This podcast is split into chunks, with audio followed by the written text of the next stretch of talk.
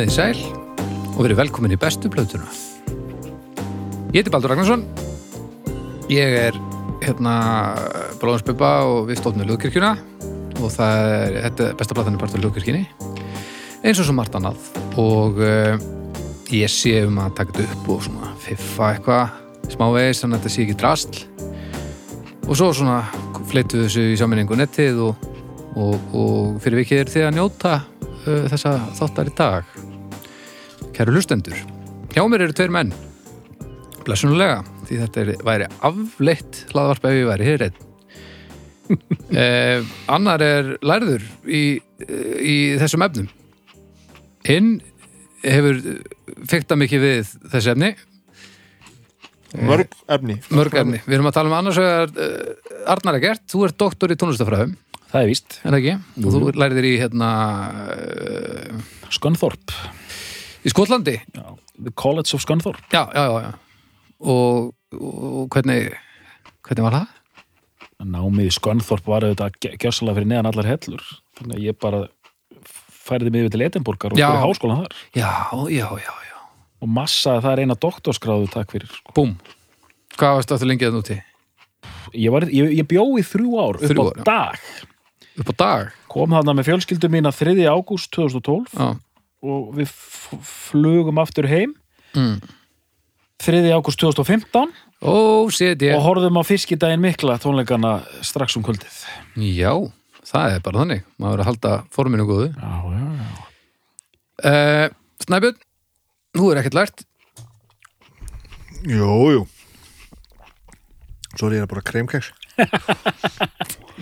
Ég fengi hatuspost að ég er að borða kremkeks í benni Já, ég sko Frá hverjum? hei, ég meina kremkeks, come on bara, Já, ég skil alveg að að, við þurfum að borða Til dæmis út með, með headphone sko, að fá svona smjátt svona beintin í heiladingu lengur Það er ekkert okkur að kenna fólk sem er headphone Við áttum eins og uppbyggilegar samræði við, við þann mann sem að sendi mér bara Kremkeks? Seini um að Þetta þessu að þessu Ég sagði, sagði honum penta að hann væri nú bara að- að grenja sko. Já, ég og hann, hann svaraði og var sammála Ég man eitthvað, ég er búin að segja frá þessu hérna.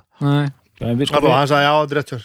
Við erum að ég tala tók um til mín, ég var til að segja smjatta hérna í Nei það voru líka Mækinn, það, sko. það er staðurinn, það er sem sagt hérna, þekkt að, að þetta er svona ekki fóbíabeintin, þetta fer verið í, í suma heldur en aðra sko. Já, þetta, já. þetta gengur frá ég, og ég skil það sjálfsög mjög vel maður. En við erum líka að að- fara að tala um kremkeks Er, þetta ekki kokkaflag? Jú, já, smakk, smakkþátturinn sem ég ætla að vera með, hann er sem sé of. Það er held ég á hreinu. Smakkaði beinni. Það heitir nú kokkarfakki eirun þannig að Þetta í eirun Smjatti erum en ég hef lært ímislegt sko. Ég hef bara aldrei klárað neitt sem ég hef gert um æfina sko. Já, það er það sama, sko, læri ekki. Þú þarfst að fá einhverja pappíra, sko. Ekki klára neitt um það Hvað varstu, tíu mínútur í rafmyndaverkjan? nei, ég var nefnilega alveg 55 mínútur sko. Nú, já, ég á eiginlega bara eftir að taka sveisprófi þá get ég kallað mér rafendavirkja já, já, nú getur það ekki hérna, núna, tekur ekki mál. Eins og mér langar nú mikið til að kalla mér rafendavirkja Já, já, færi þig vel. Já, já, þú þú ert bara, þú ert flottu guður, sko. Er að ég er ánaður sko, ég er gladur ég er, ég er alveg að vera komin á svona miðaldra krísuna þar sem er, ég verð nú að fara að læra eitthvað. Svo- já, já. Hvað ætlar að læra? hvað sagði þú, og doktor, þjóðfræði? Ég stundum tekið það þegar hérna þegar, þegar mér verður um og hérna sem ég verið að tala um með mitt læriðir og ólæriðir sko. Og ég hef auðvitað farið mjög fögur og mórðum með ykkur báða hérna í þettunum og þá tala ég um það að ég er alltaf að sjá þið fyrir mig þrammandi pró, prófessor Snæbjörn hérna í þjóðfræði. Prófessor Snæbjörn hljómar endar frábælega sko. Þrammandi um þjóðfræði gangana hérna dreifandi viskunni sko. Hvað eru þjóðfræði gangarnir margir í háskólanum? Einn stuttur? Nei, það er, alveg tal, það er talsvert sko. Nú er, ok. já, ok. Ef ég erði doktor einhverju, hvað heldur að það væri?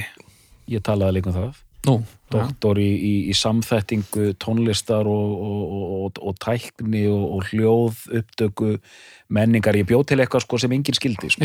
Það er þetta best sko. Já, ef, þú ert að prófessor einhver sem enginn veit hvað er þá ertu á mjög góðum stað þá sko. er enginn að fara að afsanna það. Það er trikkið.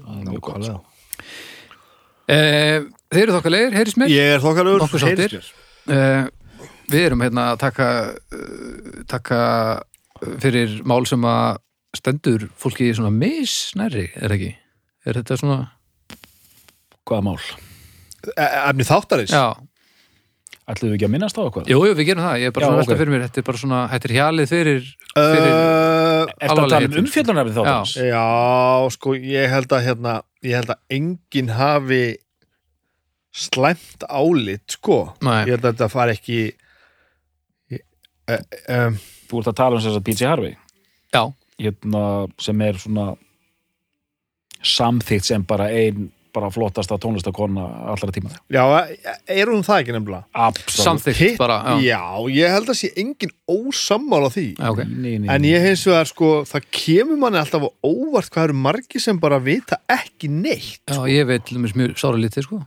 Þannig að ég hlakkaði svolítið til að, að, að fara í þetta. Já, en sko já, en að því að sko Þetta getur verið eitt af þessum um leið og þið byrja að tala þá, þá segi ég já, já, já Já, já, já, já, Já, þetta, já Ég verður glæð já, já, já, mennið í þessum þetta sko.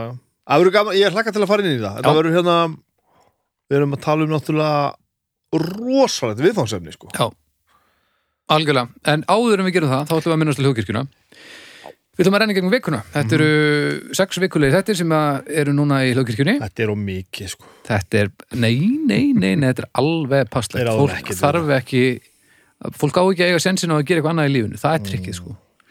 Á mánudögum, hvað er þá, dóttor?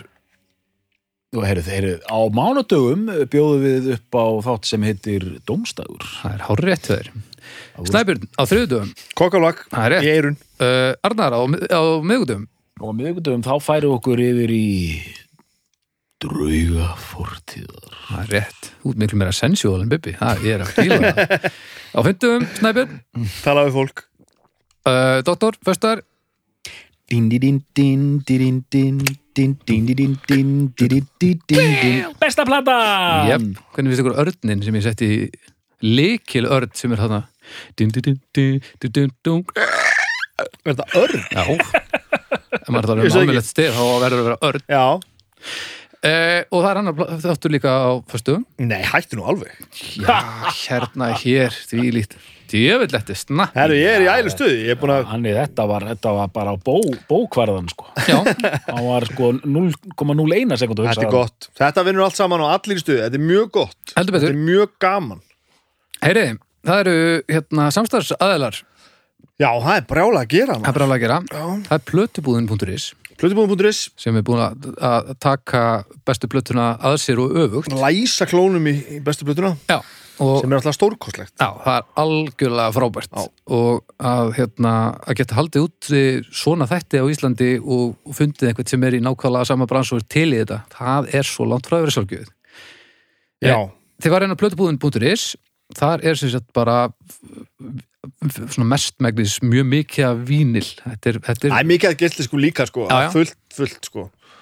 Alls konar. En, en já, mikið Þetta er, þetta er góðu staðu fyrir fólk eins og okkur. Já, þetta er nákvæmlega þetta er staður fyrir, fyrir þá sem er að hlusta. Það getur gett eintak af hérna, vögguvísi fyrir skuggaprins með 200.000 naglbítum til dæmis já, sem er á, á, á, á geislandi, skil mér þetta er sjálfsögurgripur Já, já, já, er það til þar? Á blöðum? Ég sá hann bara, sá hann þar. Öss það er ekkert öðruvísi Já, það eru bara fleiri, fleiri þúsund titlar komnir inn og, og, og bætast við nýjir í hvernig minnasta mánuði. Já, þetta er frábært.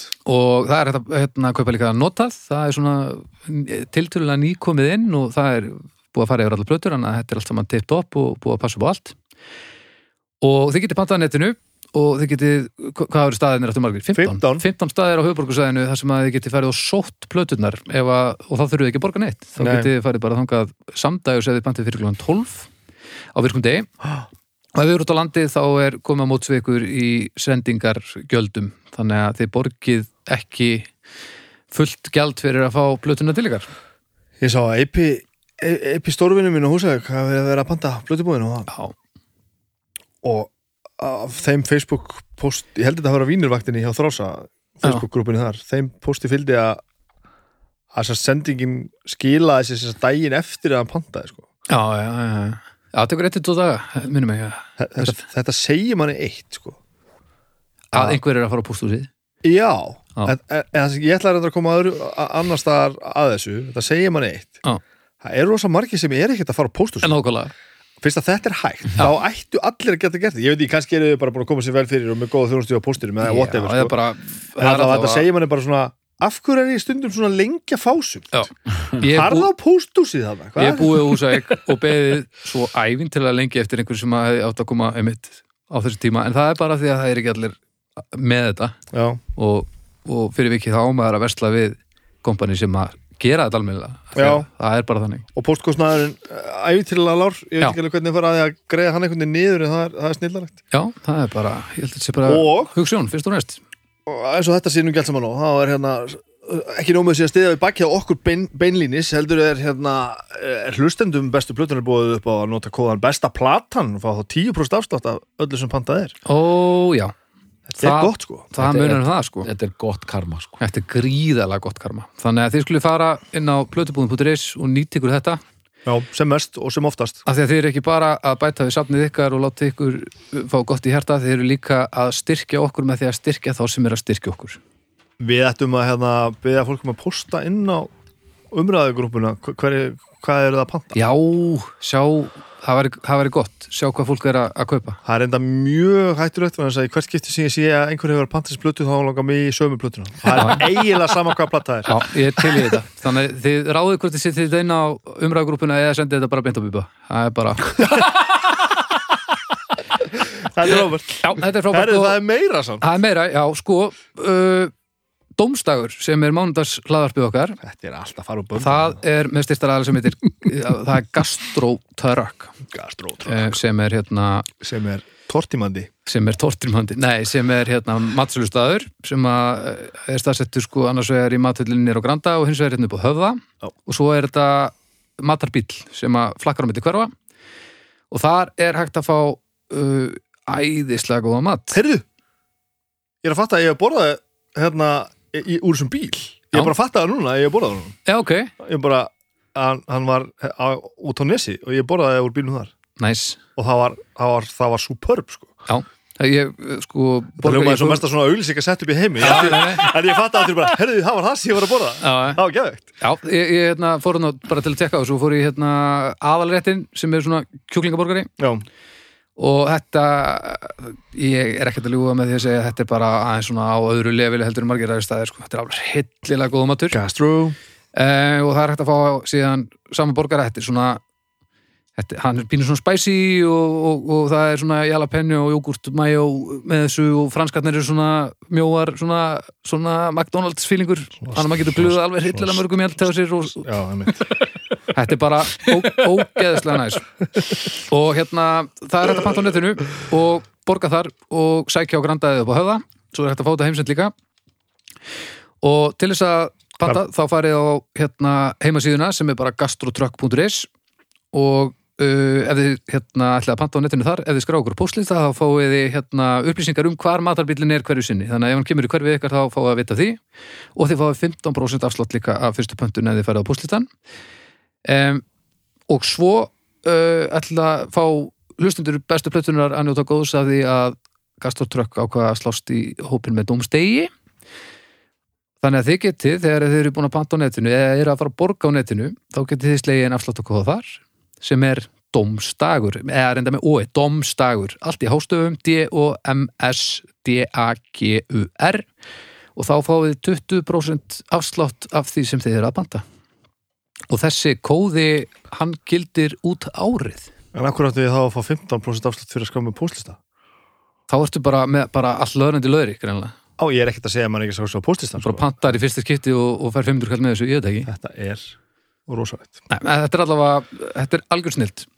Þetta er góða matur, ég maður það, þetta var frábæð þetta matur. gríðalega góða matur. Þannig að þið skulið hérna aldrei hikka og, og nýtið ykkur þetta, það er doms, domstagur afsláttakóði þar. Og þið skulið nýtið ykkur þetta endilega. En þá, Við gefum og gefum. Já, við bara gefum og gefum og gefum. Og takk einnig gastrótrökk fyrir að taka þátt í þessu með okkur. Já, þetta er þetta verður allt saman svo miklu auðveldara. Þannig að, þannig að þið skulið endilega styrkja þessi indislegu kompani þá fyrir við að snúður að því sem við ætlum að ræða þetta. Styrtir aðal á þáttarins PG Harvey. Það er rétt. Nei, við ætlum að ræða bestu blötu kannski aðalega þið, að því að ég alveg, ég er í í raunmyrkrinu, sko. Er áhugavert. Þið ætlaði að ræða bestu blötu P.T. Harvey sko, já, en mér PJ Harvey og ég meina þetta er 90s, þetta er rock þetta Algjörlega. er brjálað, þetta er geðveikt ég meina þetta er bara ég- snilt Ég, Já, ég samt meina- skil pínu hvað hann er að koma af því þetta stendur mér ekki fullkomlega nærri sko. Já, ég, það er eiginlega aðeins svo sent fyrir mig að ætla að ljúga Já. því að ég hafi gert eitthvað þarna 90 sko. Þú veist, ég held ég myndi ekki ná að feika það nógu vel sko. Ég nenni ekki að klippa það svo mikið sko. Nei, ok, ég meina Þannig að nú, hérna, þetta mér vænt um að þið myndu leiða mig aðeins í gegnum uh, listamannin hvað þú komst með og af hverju þetta er svona frábært? Sko Ég kom og ég með ætla að fá mig kremkeks ég, og, og fyrir geðu, maður. Ég kom hérna með meistarverkið Rate of Me með PG Harvey. Hvernig hefur nú að gera þetta, dóttor? Hvað er ef að byrja? Að byrja að byrjunni Já, já, og mér, ég, ég laka mikið til. Ég er svona að reyna að ná utanum sko, og ég held að sé alveg rétt svo að segja Baldur, að hérna og það er alveg skýringar því að hún ég laka mikið til að sjá til dæmis hvernig eh, okkar frábæru hlustendur sem er á eh, spjallborðinu hérna munu bregðast við. Og, og þið vitið hérna spjall hérna þátturinn er sko spjallhópurinn er 97% hérna hvítir fertur karlar frá Akureyri og Húsavík eitthvað svo leiðis og skiluru hérna menn sem getur talað í, í fjóra sólaringa um nærbuksunar hans Steve Harris. Já, já, já, já, það er satt sko. Já, gera en, það og, og, en ég vissum þegar við komum með, með þennan glæsta þátt og, vá, tjóðlega er þetta flott maður. Þessi plata hann ekki þá þetta segir engin, engin neitt að það veit engin hver hann er. Og það sýnir bara hvernig mannkinnsagan hefur virkað í gegnum aldirnar sko. Já, en vá, ég hérna fyrir gefið þið hlustendur ég, ég fekk svona áfall þegar ég kom við plötuna hérna, mm. að því maður er svo mikill vínilmaður að hérna það er sérst alveg hár í þessu útgáfu Það er- hérna eru líka komin inn í geisladiska öldina sko, ég bara, ég dæmis aldrei séð þessa plötu svona sko. Nei, ég hef ekki séð hana, bara, ég veit ekki hvort hún kom út á sínum tíma Hvernig kemur hún út? Við komumst alltaf að því hérna, eftir 93. komumst að því eftir Ramstein þáttina að, að Sensútsplatan kom ekki út á, á vínil á sínum tíma kom út sko fyrsta, fyrsta kastið bara sem kasseta og og, og var ekki eins og þetta segja Jú, þess að það var bara þessi frekar stóra plata, frekar stóru hljómsveitar á þessum tíma 1997 að menn bara leggja ekkit í það að vera að pressa vínil sko, þá er vínil bara að vera að feysa hann út sko. Já, en ég hef ekki bara tölt af stað í sammenningu Holly. Jean Harvey fætt er englendingur sem er mjög áhugavert fætt einhver staðar hann að pínu litlu hún er bara, hún bara sveitastelpa einhver staðar, sko að sunnan er hún ekki bara neyri við við erum að fara tölta einmitt í gegnum svona ennst hérna engi, já, þetta er alveg svona hún er suður englendingur. Hún söður englendingur. Dorset. Frá Dorset, í Dorset. Englandi. Og sko fóreldrar hennar bara ein- einhvers konar sko bændur og búðalið já, hún er, hún er að setja bæ, Já. Já, já. svínabúið eitthvað leika sko. A- tónlistarlega þingjandi frá upphafi einhvern veginn eh, saxofónnin til dæmis spilaði stórt, stóra rullu hjá henni mjög lengi og læri lengi á saxofón Mm. og svona músík einhvern veginn í kringum hana og svo er einhver vendipunktur þú verður að hjálpa mér hérna þegar ég ruglast alveg bara, til þess er ég hún er hérna, held að sé á einhverju ammælis sko, ég heldur hún hafi átt ammæli og þá kemur einhver og spilar kemur einhver band og spilar sem einhver, einhver bauð bauðinni, hvort að John Parrish var í því bandi sko. og ég núna kemur líka annað ljós og mér langar svo mikið til að leiða þetta ljós í þessum þætti að ég er heldur ekki skiluru sem segir líka í ymsa sögu ég, ég veit nú ímislegt um P.J. Harvey en ég veit miklu meira um fullt af einhverjum hérna rockljónsöndum frá, frá 90s heldur en annars sko. já, já. En þannig að ég, ég já, allavega John Paris þáttastjórn hvað sér þau? Vanhæf þáttastjórn Nákvæmlega ég held að það hafi verið band, semst bandið hans sem að hún gekk svo í já. og bandið hét hérna uh, ég man það aldrei sko með la, eitthvað nú horfum við hérna félagarnir til Baldur ja. við sjáum hann er að fletta upp sko. já. hérna, og það band gerði út frá Bristol það band gerði út frá Bristol og, og það Ormeric Dlamini dla, já, það dla, Dlamini. dlam, já. Þar, það, það, það John Paris já. já, já, það, það, já, ég held að það hefði settur í bandið, það band eða uppdættur af því bandi sem að spila í ammalinar, hún endaði með Mm. byrja í bandinu, sem gítarleikar og bakrættasöngur og eitthvað svona og og kann í rauninni sko ekkert að spila á gítar sko. Þannig, byrja bara einhvern veginn í bandinu og samlagast í bara ljómandi vel. Og það er bara ógislega næs og hún sagði með, hún nýtti bara færið og ákvað að læra svolítið á já, gítarinn. já, hún hefur sagt það, hún svona En hún fór samt í gítartíma, sínist mér, e, sem bann, hjá einhverjum fólk syngið songrættir Já. Steve Knightley, sem er Já. uh, eitthvað, einhver sem að er, er þekktur greinlega, sko. Þetta er mikilvægt að því að við þurfum að muna þetta hún, hún, hún er með smá svona enskan þjóðlega bakgrunn í byrjun sem hún droppar síðan en kemur að aftur Já, nefnilega, sko, þessi fyrirlega náttúrulega, sko e, það liggur við að mig langi hérna á eftir til að taka hérna e, Bái Dillan leiðina sem við fórum með að fara bara yfir plötuna svolítið, sko. Mhm. Það er náttúrulega miklu færri hérna þessu tilfelli Mm.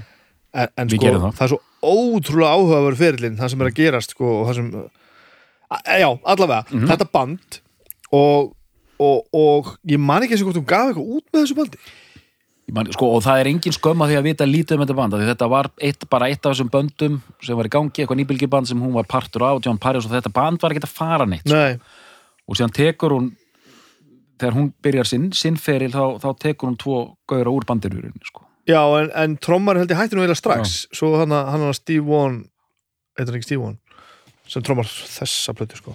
Og hann, hérna hann ko- stökk svo inn í þetta, jú, Stephen One býr til tríu og sem sagt hugmyndin var þetta en það man það engin og það rugglast allir á því og það er öllum sama öruninni að hún heitir Polly Harvey hljómsveitin heitir PJ Harvey. Já, en, en, en það er alltaf verið að svissa þessu sko. við skulum samt ekki gera lítið úr því að það er alveg viðurkend og nú erum við nefnilega svolítið hálum ís með því að ég sé að taka þessa plötu hérna og setja hana fram sem bestu plötu PJ Harvey Mhm. vegna þess að fyrstu tvær plötunar með PJ Harvey eru með tríói sem heitir PJ Harvey Já. og það er allir sammálu um það þau eru þrjú ok. og það er Stephen Wan á trómur og hann hann Ellis uh, Robert Ellis á, sem var með henni í, í, í þessu hérna bandinu þannig þau gera þessar þrjár plötur þessar Já. tvær, tvær fyrstu plötur. Og það, eru allir sammála um það. Og þó að þetta sé tekið upp í fortíðinni þá ætla ég að segja núna við alla á umræðahópnum sem eftir því að nú er ég að tala við fólk þegar þetta komið í loftið auðvitað því annars verður ekki að hlusta á þetta. Róið ykkur, þetta er alltaf leið, við vitum þetta. Ég finn bara að þetta er eitt af þessu sem að geti beglað internetið, En- þetta er allt í góðu. En, en sko en þetta er auðvitað lögin hennar. Já, er hún skráð fyrir öllum lögunum? Ég er ekki viss um það ég skal bara tekka þessu. Ég er nú bara ekki, ekki alveg viss um það. Jó, all songs written Já, já, all songs Það er written það er by PJ Harvey það er það er- það er merkilegt þegar það er talað um All tracks are konu written by Polly Jean Harvey. Segja hann það, ok, ok, ok. Það er merkilegt alltaf þegar tala um tónlistakonu þá er menn alltaf ekki alveg vissum að hún semji nú allt sjálf sko. en, en það er allavega upp á borðinu, hún segir það líka sjálf a- að sko uh, að þetta var hljómsveit sko. já, já, það, það er alveg skýrt. og þetta var unnið, unnið í þeim gýr sko. Það er alveg rétt hjá þér og höfum það alveg á hreinu. Þetta er tríóið, PJ Harvey Polly Harvey er aðna semur þetta lögin, þetta eru þó þetta sé, hún hefur greinilega ákveða kreditið þetta PJ Harvey, þetta eru lögin hennar. Hún syngur þetta. Það og, svo- og það var verið að reyna að finna nafna Já. bandið og það bara, að köllum þetta bara PJ Harvey af því að henni fannst ekkert annað virka Já, og allir greinlega til í það. Og, og, og, þú veist, og það er hérna enda þótt reyndar að bandið hafi svona endað í pínu núningi og svona hálfparti sprungið Já. þá er allir góðir sko, það er ekkert vesen sko Já, og þetta er ekki þannig eitthvað. Nei, nei, en allavega, nú langar við að fara bara, ef, ef að fara bara í plötunar Já, ger, eh, gerum það bara. Ok. Eh, Þú veist, ef við ekki að taka þær bara og síðan förum við aftur að, að, að, að förum í djúpu greiningu Já. eftir það. Já, en ég fæ svona grunnsöguna samlega plötunum bara. Já, Já, já. gerum það. Ok, þá ætlum við að byrja á byrjuninni. Já. Við byrjum á þurkinum, 91, dræ. 92 92, Já, já hún er 92, 92 já, það er ákveðin upptaktur af þeirri plötu uh, hún er gefin út af Too Pure sem var svona lítið merki í London Aha. hún gefur út tvær sjötómur uh, sem voru með hérna, Sheilana Gig Mhm. og hérna, hvað var fyrsta hétt Dress Mhm. og þessar smáskjur fá alveg rosalega góða dóma í Melody Maker sem er svona nú er doktorinn að koma sterkur inn. Hér veit ég ekki neitt sko. Hérna, Melody Maker og NME voru svona þessi helstu blöð á þessum tíma, Mhm. bresk svona vikublöð í, í músík. Mhm. Og þetta er auðvitað þetta ár 91 sem er bara það sem all, all, bestu plötur allar tíma að koma út. Já.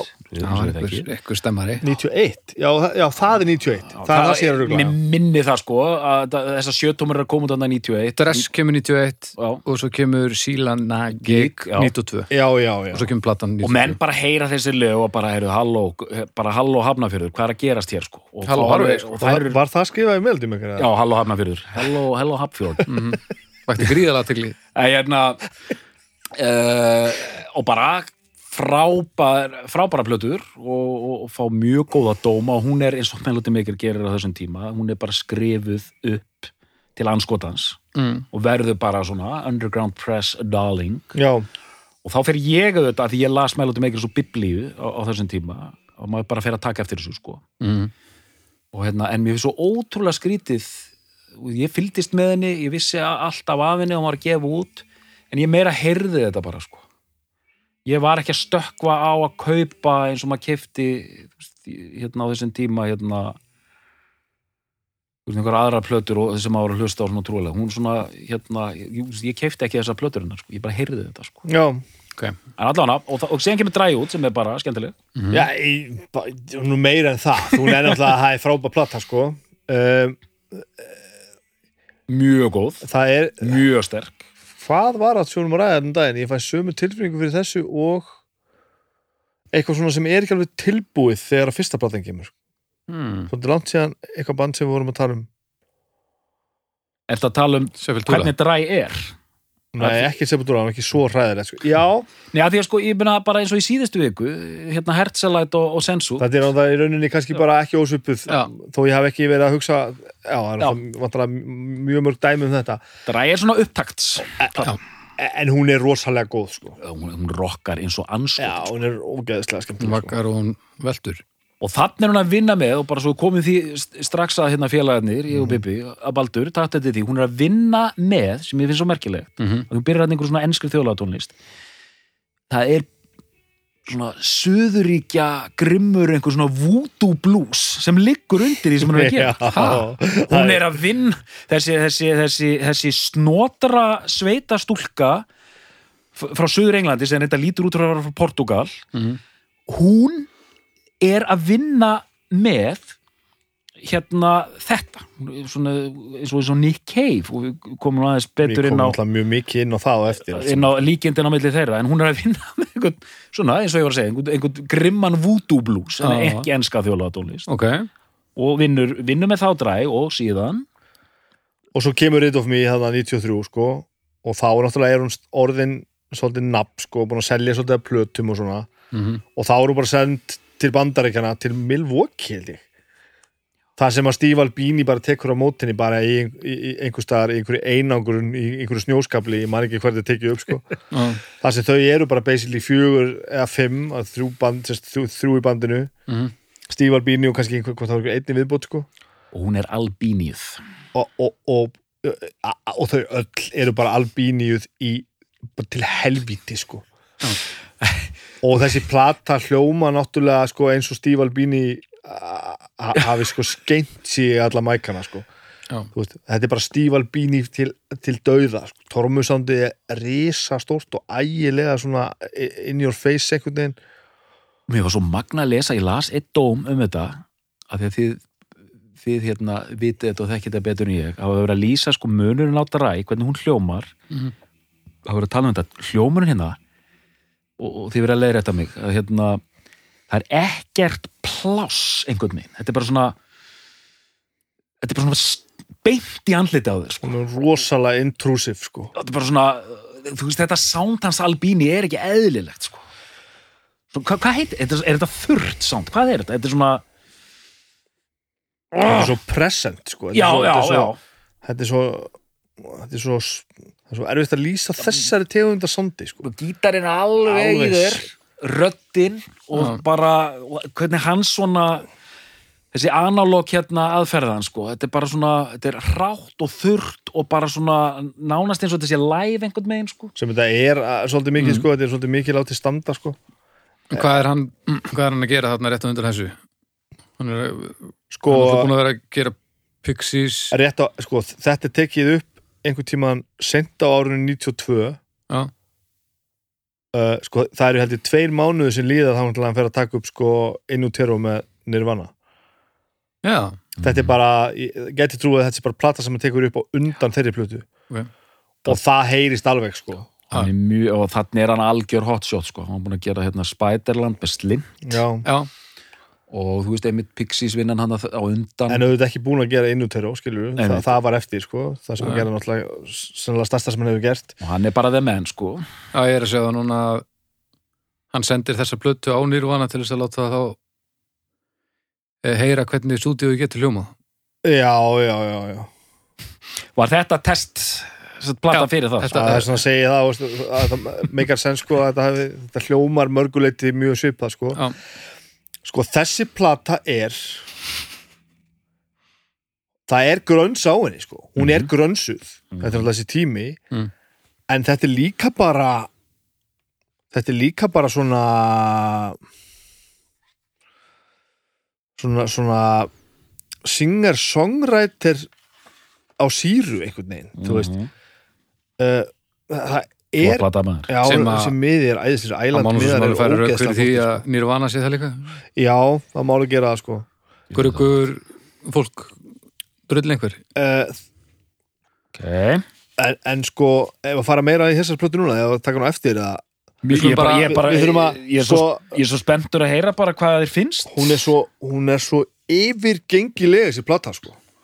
Það er svo margt við hana sem er svo sko, henni eru náttúrulega þú veist náttúrulega, ég er ótrúlega að þetta sleppa allt í gegn sko, þetta er náttúrulega bara eins og einhver sagði, þetta er bara blóð og gretta, þetta er eiginlega ekkert annað sko, þetta er bara ofbeldi og brjálaði og bara svona kynferðisleg svona, svona, svona yfir, yfirgengilegheit bara, bara, já, bara, bara sammála öllu bara örstuð sko þegar ég var að heimsækja hana aftur þessa plötu, hún er þetta bara, í- sko, svo, ég tali mannamál sko, í fyrsta legi, rockar hún eins og anskotin það er plata. sövaðalegt sko gítarinn einmitt, hann er gröntsaður og líka bara þetta 93, svona alternative 90s gítar rock sound. Maður bara svona fær það já, þú veist, þetta er algjör svona 90s rock gítar einhvern veginn. Það er þannig sko. Um, síðan einmitt þ- við erum að tala um þessa uh, stúlkvarna frá Suður Englandi. Textanir er ekki eðlilegir þeir, þeir eru gróteskir. Þetta er mjög þetta, þetta, þetta, þetta, er- líkami þetta er, hvað þetta? er svona karnal já, þetta er bara svona kjöt Já. og blóð og Já. kynlíf já, og sviti og, og síðan, er, síðan er reyði, hemd óþól og bara því ég var að hlusta á þetta Rid of Me lagi, það er Já. bara ótrúlegt sem kemur hann að mist Aha. mjög svona eh, svona ástriðufullt Mhm. sem kemur þetta lag þarna og ég sendi það nú á okkur hérna, Lex já, þar sem bara kemur svona kapli henni þar sem hún bara svona og, og þetta er svona þetta, þetta- þetta er ekki eðlilegt nei, þetta er algjör sturlu sko. Þann, þannig, er, þannig var Red of Me sko. og svo, og lagi eftir því sko Till It Bleeds Já. og það, það er það, Rub Till It Bleeds er bara nákvæmlega með það sem þú ímyndir að það sé sko mm. þetta er bara, Lampa og, og sá textil til bara, það, það eru bara tvær manneskjur og öfgafull sjálfsfróun þetta er bara allt svona algjörlega straight forward rugg brjálaði sko Já. en á einhvern ótrúlega hátt þá er þetta ekki skelfilegt heldur frábært að því að línan þarna á milli er þunn sko hún er svakaleg sko. með, og, með og, og, sko. og, þannig tekur hún líka þetta skref sem ég við svo ótrúlega merkilegt að sjá hérna, alla þennan tíma upp að þessu og í þessu og eftir hún er alls ekki hrætt við að vera sko, hún, hún er svona hún glennir sig, hún er sexy og cool hún er allt þetta Mhm. og þetta, hún gerir þetta hún er alls ekki hrætt við að vera þú veist, bara ógeðsleg, segja ljóta hluti og bara allt ófilterað og bara svona á myndum bara, þú veist við fyrir mér á næstu blötu, sko, lögin heita 50 Foot Queenie Mm. og þetta er rosalega bara svona, ég er, ég er, ég er kona en bara, þú veist, farðu til anskotans helvítis fýbleið, sko, þetta er bara svona ótrúlega svona stert allt, sko. Okay. það er mjög stert í henni að hún hefur til dæmis þráfaldlega neitaði að samsama sig við feminisma hún bara, hún bara segist ekki tengja við, við þetta hugtak feminisma og, og, og þa þann aktivisma. Hún bara, bara tekur ekki þátt í sem er fullkomin þversögn eins að allt sem hún gerir er svo feminist þú veist, eins og við myndum setja skilningin á það að, að það er bara absúrt að alltaf neitt það sko. en hún bara, nei, hún bara tekur ekki þátt í því einhvern veginn. Bara, af hverju er það, er það pós eða er það, nei, ég, ég, ef, ef ég er henni? það er nú að ég ætla að fara að segja núna. Ef það er eftir, eftir að nefna einhverja listamanninsku einhver starf sem er lausu pós hún færi helvíti hátt á listan sko. Já, þetta er bara ríl, alla leið. Ég held hann bara, ég held að sé bara ég held að Ok. hún sé bara að bara töff að og, og þetta er rosalegt sko. eftir þess að plötu springu tríóið mm. eftir erfiðan túr Mm Það Og- var búið að nutt allt blóðut og allir færnir heim allt, allt skinnið farið af, af hana og þá kemur í rauninni fyrsta sólplatarinnar þannig að þú veist ef að þessi þessar fyrstu tvær plötur væru undir einhverju nafni sem að hefði alltaf skipta gerst þá væri ég ekki með þessa plötu hér sko. þannig að þú veist ég, þannig að- að að komum við að hvað, hvað það að setja einhvern, einhvern stimpil, eitthvað nafn á prótistið þitt skiptir rosalega miklu máli bara af því að hljómsveitin heitir eftir henni mm. þá allt í hennu finnst maður eins og þetta sé það sama þó að hún er mitt segir frá því sjálf sko, bara, fyrir henni er þetta bara algjörlega, þetta er bara mjög mjög, mjög sko augljós skurður já. á milli sko Já, ok. En hún spilar að sama Í skap hvað lítur líka að vera byrjandi þegar að það er allir svona geðið ánægð með þetta og svo fyrir að gera eitthvað annað og þetta er alltaf mestarverk ó, býtu við, nei, nei, nei, nei, nei. þetta Nei, er ekki veist- svona sko. Ég er að tala um ef það væri já, já, já, það sjálfsögðu sko. Og þá kemur hérna hvað heitir hún? To bring you my love. Og svo plata er náttúrulega algjörlega frábær. Mm -hmm. það er algjörlega frábær stöf sko. Það er 95 Já. Og ég man svo vel eftir bara umslæginu stert. Og hún var auðvitað 95, þá var maður í partíum út um allan bæ og þú veist, eh, Að tala þú fyrir sjálfa þig? Hérna uh, hún var auðvitað eins og ég man sko eftir svona hérna Fríða Rós sko sem var síðan hljónsettinni á túr aha, og er svona í, í feminista félaginu, hún var hérna, ég man bara eftir að hafa verið í partí með henni og þú bringum að lof var þarna ge- í geisladiska forma á borðinu og, og þú veist þessi plata var algjörlega dyrkuð af þeim sko, hún Já. var algjör drottning Mm. og maður bara fann það líka bara, músikin var svo flott og bara liggur í svona rauðum kjól með rauðan varaliti í einhverju vatni flott sko og ónar þetta allt saman einhvern veginn sko. Og bara og bara já, og, og bara frábærplata allt, allt gott með það, mm já, en höldum áfram. Is this desire? 98 já. Fer nú svolítið botnina þetta úr. Bóttir að detta úr. Ég, um, ég get alveg haft gaman að hlusta á þá plötu. Svona relatively sko. hún er sko það er allir fyrir að fykta við, við elektronik uh, og það, það, svo plata er bara einmitt hvaða ári er þetta sko? Þetta er, 98 og, og, og þar er hún bara svolítið uh, þar svoast hún til dæmis bara svolítið inn í eitthvað trip-hop sko. Mm, uh, einmitt hún vinnur með trikki þarna á einhverjum tíma, tri, hún er plötu, plötu með trikki þarna sko. Mm. þannig að þetta er einhver svoleiðis. Mm. fer í, já, í einhverja svona en þarna líka fyrir að sjá það sem að einkennir hann svolítið mikið, hún er alltaf einhvern veginn að endur nýja sig já, sko. einmitt. Þú- hún er, hefur ekki hún er ekkert góð í því að ætla að gera bara sem hún gerði síðast sko. Nei, hún sagði einhvern veginn að það versta sem ég geti hugsað mér var ef ég væri sögum um það eða myndi finna mig í því að vera endurtaka mig sko. já, já, þannig að þú veist uh, þú setur, segir þetta og setur þessa línu það hlýtur að marka þá ein- einhver leiti hvað þú ert að fara að gera já, sko. já.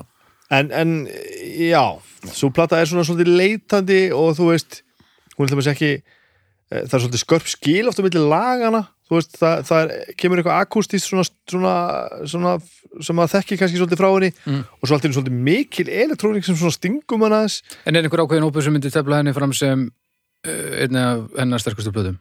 hún er venjulega ég held nú valla sko hún er venjulega tiltekin sem svona, einmitt, svona leitandi plata og bara hún hafi ekki náð að landa Já. þessu verkefni einhvern veginn sko. Ok, hún, hún, er, hún er ekki mjög elskuð þessi plata svo það. Nei. þá eru komin til 2000 og ekki næsta plata heldur Stories from the City, Já. Stories from the Sea Byrju hvað, hvernig er Hún er svolítið skrítin, hún er svolítið á skrítnum stað þessi plata. Segðu mér aftur titilinn? Stories from Stories from the the City, City Stories from the Sea. Já. Kom út 2001. 2000? Byrju, nú er ég að nú er ég að ruggla röðinni, hvernig er þarna ó Hö, Hör, já, 2004 það er fjórum árum síðar já, já, já Ég man þegar þessi plata sem kom út 2000, hérna Stories from the City, Stories from the Sea kom út og ég man hvað mér þótt hún venjuleg. en hún er rosa venjuleg Já, hún er það. Hún er, hún er mjög svona strömlínulög, sko. Mikið svona, svona Patti Smith feelingur í henni Já. og svona, en þetta er samt platan sem hún fekk Merkur í velunin fyrir, sko. þessi plata er líka algerlega frábær sko. Ok. þessi plata er hún, já, þetta er plata sem hún syngur með Tom York syngur með henni mm og, og alls konar svona uh, mér finnst nefnilega eitt pínu snildalegt hér Ok. það er eitthvað rosalega fallegt við það þegar svona afgerandi listamanniska sem er að gera svona svolítið afgerandi hluti sem er svona þú veist st- stinga einhvern veginn svolítið í stúf og er svolítið svona mikið þeirra og svona, þú veist, svona allt svona svolítið öfgafullt í allar áttir. Geta líka gert plötu sem allt í henni er bara venjuleg en gert það frábæla skilur við, gimmickið er ekki platan er ekki góð af því hún er svo rosalega mikið BJ Harvey heldur, hún kom bara allt í einu svona plata sem var bara svona hún bara svona næstu því gefur sér bara svona tíðarandurum á vald og gerir bara svona venjulegt svona venjulegt pop-rock eitthvað. Mm mér finnst þessi plata algjörlega frábær sko Já, þetta er, sko, persónulega hef ég ekki gaman af henni, en veist, þetta er mjög góð plata, höfum það bara alveg hérna á hugsa hún myndi ekki, hún rattar ekki ofta á hjá mér sko, hún, hún augrar mann ekki sko þú veist, auðvitað ég með Rid of Me hérna Já, já. a- vegna þess að hún augrar mér til, til, til, til, til anskotan sko En hún er einmitt, þarna, hún er mjög elskuð, þessi plata sem við erum að tala um. Já, hún Pródúserar- hávegum höfð. fyrir, fyrir fólk sem ekki veit þá eru Merkurivelinu veitt í Breitlandi fyrir sko bestu plötu þess árs Já. Óháð sölu og vinsaldum og bara svona. besta, svona sem hefur komið út í ár þetta er náttúrulega ofbóðslega virt, velun sko. skráður pródúserar fyrir Stories from the City eru PJ Harvey Mick Harvey sem að ég held svo ævintýrlega lengi að vera bróðurinnar Já. en það er strax komið inn þá Nick Cave tenging já, þarna náttúrulega eh, sko, og svo Rob Ellis líka bara svo ég komið því frá sem er búin að gera vinna með sko Laika og Placebo og X já, X-Tricky Singer Martina Já. Tricky tenging hérna líka og þú veist Madrugata og einhverju já Eh, Rob Ellis er sko er hérna tr trómuleikarinn í, Í- PJ Harvey band sko. Er hann? já, Já, já, já, ok Stephen Warner og, og ja, bassalegarinn Hann fær pródúsinningar hérna ég held þetta vera sami maðurinn ég er búin að vinna, Já, er búin að vinna með sö, pottþétt. sömu og hann er uh, í splín líka og það sem við erum til dæmis ekki, já nákvæmlega og það sem við erum ekki að t- tína til hérna núna er sko að John Paris og, og, og hún hafa skifið út allavega tvær plötu saman sem hann gerir tónlistina og hún textana sko. hún er alltaf að gera, hún er alltaf að stúsa eitthvað anskotan sko. já, já. Æ, en við erum komin alltaf fram að aldamótum þarna Já. og þetta tala um Nick Cave mhm. uh, ég man ekki hvern sko hún byrjar að vinna með Mick Harvey Mhm. ég held að hafi farið þá leiðina Mm. og þess vegna syngur hún á Mördebalats já. með Nick Cave Já, ok Og þau auðvitað, og svo byrjaði þau að deyta sko Já. Já. og það tók nú ekki langan tíma að deyta það, það málið var vist mjög ástriðufullt og, og brjála og það sem sagt hætti sko mm. og ég held að sé nú almennt talið að Bótmanns Kól platan með Nick Cave sé break-up plata eftir PG Harvey sko mikið til ég fór að mynda að hugsa um þetta, er helviti ekki, góð já. en nú- ég held að sé nánast tíjar aldursmunur á það, með kannski 9, 8, hvernig er hann fættur áttur? 60? Hún er fætt 69, 6 og 9 já. uh, Ég skal nú bara fletta hún upp en hérna þetta er svona þetta er, of, þetta er- þetta er svona par þetta er bara of gott til að vera satt sko. þetta er bara svona Hann er 57, já, 12 ára munur 63 í dag er hann fættur 57? Já. þau eru þetta, þetta er bara ótrúlega flott svona en það fór kannski ekkit mjög hátt ég held að það var, var að frekar stutt sko, það var aldrei neitt mjög public. Nei, en, en, en fyrir okkur sem að hérna, leifum hræðist eitthvað í tónlist og tónlist að sögu þá vitum við þetta þetta er svolítið þing að þau Mhm. hafi verið par sko. algjörlega sko. En sko á þessari plötu, Musicians það eru þau þrjú sko og svo bara Tom York. P.T. Harvey, syngur, gítar, bassi keyboard, piano, djembe maracas, íbá producer og engineer. Íbá. Mhm. Íbó. Íbó, já, Íbá það er einhver rappari.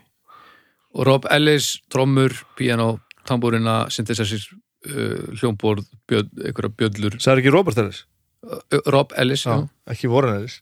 En næsta plata og sko hapsikort og eitthvað og svo er Mick Harvey bara það sama þú veist, hann er Já, líka tromma, hann er orgeli hann er á Það er nú bara svolítið hljómborðum. svona eins og Bad Seeds vinna sko. Já, já. þetta er bara allir í öllu, stemmarinn Svo kemur það að Uhu. Já, svo hún gerði nokkuð fullt af eitthvað í mildtíðin ég, ég man ekki nákvæmlega hvað þetta er en, en já, svo kemur súplata 2004 og það er ekki skemmtilegt Nei, ég bara, þú veist, ég tengi ekki sko, hún er, þetta- hún er núna rári heldur en Stories platan Þa, en, Það er held ég eitthvað samsapn sko, sem hún var búin að gera á árunum undan hvort, ég held að ég sé ekki eins og tekin upp í einu lagi sko. ég held að sé bara svona næstu því saplata einhverju sem var bara í gangi hjá henni sko. 2002-2003 tekinu upp Já, einmitt uh, stúdíuður ekki eins og tekið fram Nei, ég held að sé ekkit eiginlega stúdíu, ég held að sé bara eitthvað svona sem að bara, bara hún var bara búin að vera að brasa sko. Þá já, hún gerir þetta bara sjálf. Og það er einhvern veginn bara næ, næri ekki fótfestu, þetta verður aldrei einn plata. Þetta er bara svona eitthvað hitt og þetta sko. fekk reyndar Grammy og Brit Awards uh, tilnefningar. Fyrir þetta, já. sem segir nú kannski svolítið um hana sko. og hún er með ekki að það segja mikið en hún er með 79 af 100 metaskor og metakritik. Ok, þannig já, að þetta þykir þá hefði fínasta rösl Já, rusl er þetta náttúrulega já, ég er náttúrulega, já, þið veit hvað ég meina. Hvað er svo? Svo færum við okkur yfir í uh, Hvítu grítina Já. 2007 Whitehawk Mér fannst algjörlega magna þegar súplata kom út. Að því að súplata er alveg þannig er eitthvað allt annað sko. Súplata er ævintýrlega góð. Þetta er bara svona gottneskur draumur. Er þetta ekki autohörpu platan? Nei. Ork pop, sko, chamber pop þetta er ég myndi meira að segja ertu ekki komin aðeins, ertu ekki að tala um Let England Seg núna með eða? Nei, ég held að hún hafi byrjað autohörpu Jú, jú, hún sko á Whitehawk þá fer hún með röddina upp. Til dæmis já. Umslæði bara undir umslæði bara segið þér nákvæmlega hvað er að gerast hérna, þannig inni. Hún er hann einhver svona hvítum viktoríunskum kjól Já. og þetta er bara einhver svona gothic hérna angurværð einhver svona dimmur draumur einhvern megin sko mm. og mér, ég man bara því hérna ég bara hérna bara, þetta er svo allt sko þetta, þetta er gott útspil sko búa bara til svona blötu sko Ég man eftir því að hafa heyrt hann eitthvað því að segja frá því að hún hafi allt í einhvern veginn átt að segja á því að hún skildi bara fara svolítið bara aftur til fortíða sko. Ég, ég ætla að vona þessi ekki að tala um með þess að ég sé að ruggla saman plötum. Já, ég held að það geti verið það því að þarna sko beilar hún á því sem að er búið að vera sem er bara gítar, trommu, bassi. Já, og hún er bara að spila fullt á píanó. Já, piano, þetta er svona piano hún er bara að segja það sama og ég geri. Þegar ég er komin í strand með að semja eitthvað nýtt já, þá fer ég á eitthvað hljóðferði sem ég get ekki neitt á af því að það bara rýbútar mm. já læra að spila píano þannig að eða eiginlega, þú veist, hún var mjög, mjög limitur á píanóið, en þá ferðu líka hugmyndir sem þú færið ekki á hljóðferði sem þú þekkir Var þetta, þetta er pí... Já, ok Er þetta er svona bara goth svona, er bara svona goth, haunting piano based ég ruggla þessum, þessum plöt svolítið saman sko. Já, Þetta er bara svona goth, já, eða bara, þetta er svona goth pianoplata, situr í viktorinskum kjól inn í, inn í hérna kapellu, hérna einhver staðar í söður Englandi. Bara þú veist, það er eitthvað svona Nosferatu feelingur í gangi þarna. Já, já. Og bara það er stemningin í allir plötunni og mjög effektíft, sko. Hún, hún notar þetta sem við erum að heyra hérna Rit of Me. Þetta er svo, Já, já þetta er bara, þetta er svo ótrúlega intens alltaf, sko. Þó þetta sé svona rólega plata, sko. Já, En já, förum við svo við lönd að því ég held að ég, finnst þess að Byrbi sé að tala um öruglega næstu plötu. Það gæti verið Let England Shake Það er tímabil sem ég bara 2011, Er það næst, síðasta næst sérsta platan? Já. Er það þá sem hún spilaði á saxofón? hún, allan, hún er með þessa átóhörpuna hana. Já. mikið á hafma Let England Sick það er Já, á- á- átóvarpa í lagi 1, 4, 5 og 12 og það saxofón. 1, 2, 4, 5 og 8 flott, flott sem mér fyndi að því hún læriði alveg helling á saxofón og ógeðslega góða saxofón. Mm. þetta er fyrsta skipti sem hún spilar á saxofón á plötu sem er ævintýralegt sko. og það eru mjög flotta myndir af henni með saxofón. Já, ok, Já, þannig engin bara saxofón á, á plötunu undan. Nei, það var bara þú slá, varst bara slá klárlega- saman hana. Og, og sko, þessi átóharpa var eitthvað, hún hefði, eitthvað hefði verið að fykta eitthvað með einhverja átóharpu þegar hún var, var sko ung þannig að það var þarna sem hún bara fekk svona bara það er nú ætla að prófa að gera allt þetta sem ég var að gera áður en ég byrjaði að vera í hljómsveit. Og fór, fór, fór að stussa í því.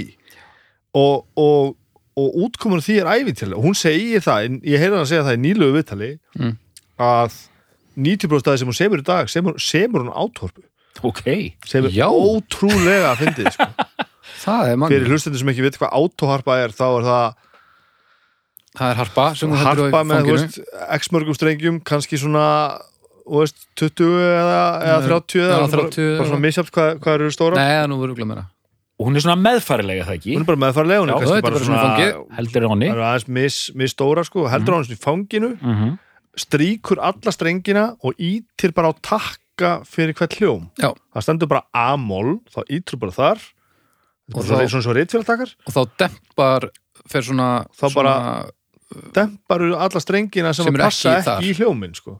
þannig Þannig að það er bara alla hljóma þú þú ert bara með streng, strengi sem eru bara allir tónar hérna, skalans og takkarnir dempa strengina drepa strengina sem að passa ekki í hljómin Þannig að ef þið þarna úti nennið ekki að læra gítar og þið viljið halda upp í gallsúru eldúrsparti þá fáið ykkur átóverpu, ítöður réttu takkana og sláðu alla strengina. Þetta er mjög þægilegt að byrja og semja. Þetta er náttúrulega, skemmtilegt sko ef það hefði séð að Mighty Wind myndina. Þá sittur hún þar hérna, Over the waves of dreams are lifted akkurat.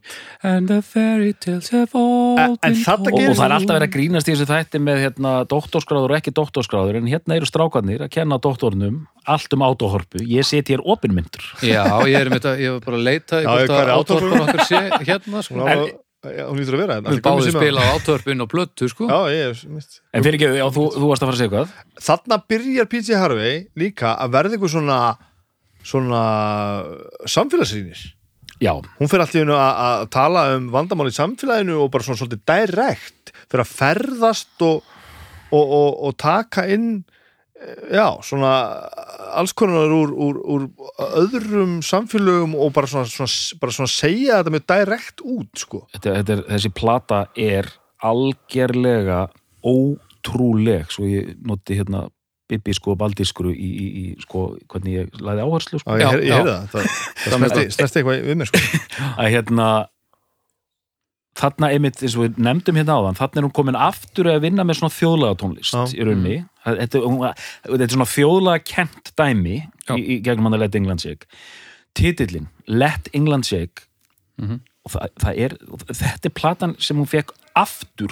Önnur merkur í verðin merkurvelun, eina eini listamaðurinn, eina listakonan eini, eina listapersonan hvað sem ég vil segja, aldrei er aldrei gerst áður Nú vil ég bara taka litla stund hérna til þess að spyrja spurningar sem allir eru núna að spyrja sig að Hvað er að mér að vita ekkert af þessu?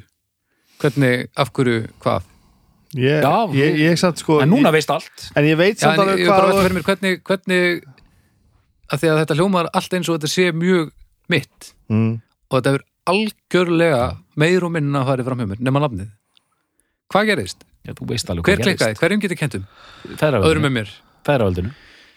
til dæmis já, Því já, Feðraveldi setur hluti Já. á dagskrá. já, já, það er Pizza, þannig það er bara þannig. já, Og þú ert með þann dagskráramma fyrir fram að þú veist, þetta er, ekki, þetta er ekki þér að kenna, þetta er ekki mér að kenna, þetta er, ekki, þetta er bara svona þróun, þetta er svona menningarleg þróun.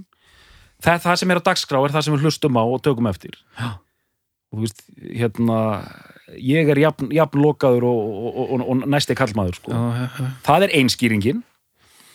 önnur skýring er líka að þú færð ekki mikið af straight forward pop eða rocklugum frá henni Mhm. það, eh, hún, hún er svona svolítið slow burner þú verður aðeins að gefa þig að því að hlusta sko. Investa í þinni.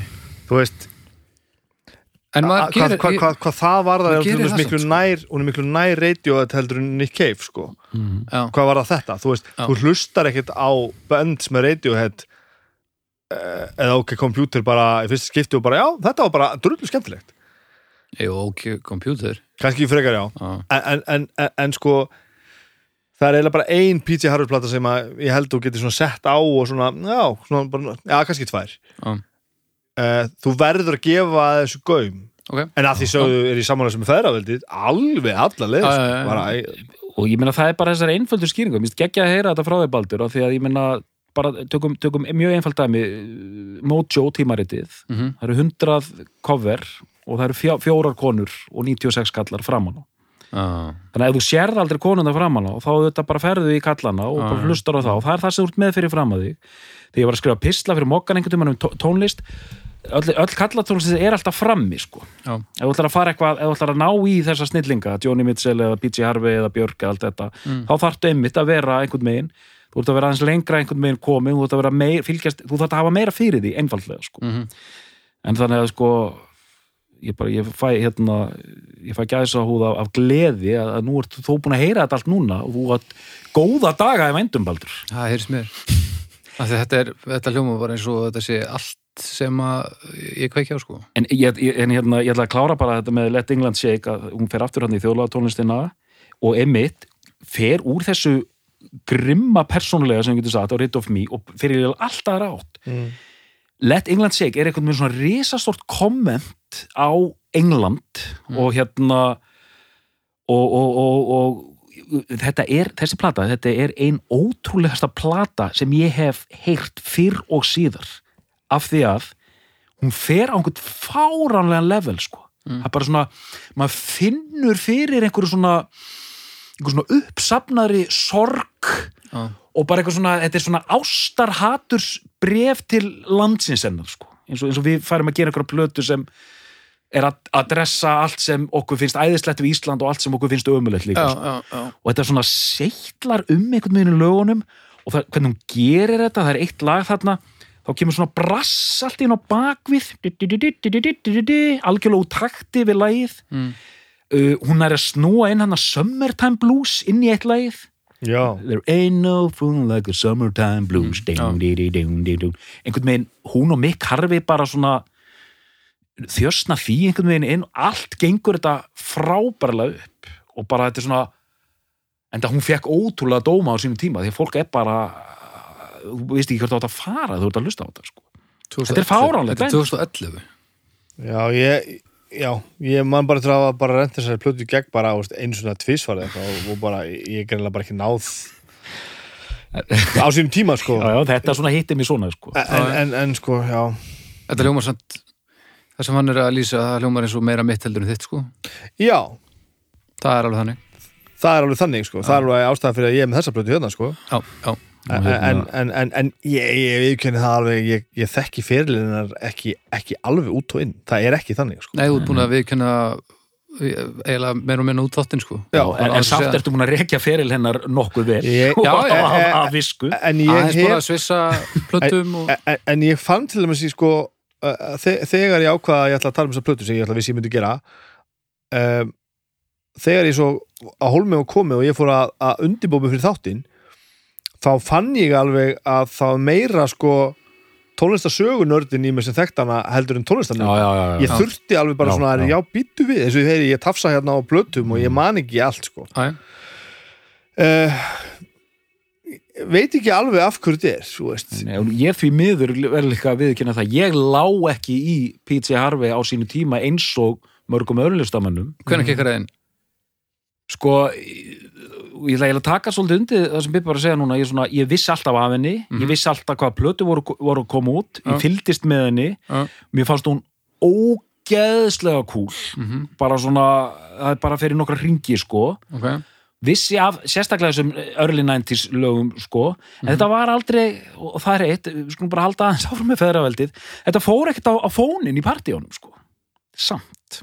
Og það er ekki hráöfnun að kenna nei, sko, Jesus Christ. Sko, ég hérna og ég var svo gladur einmitt að geta loksins farið á bólakaf út af þessum stórkostlega þætti sem við keirum hérna. Mhm.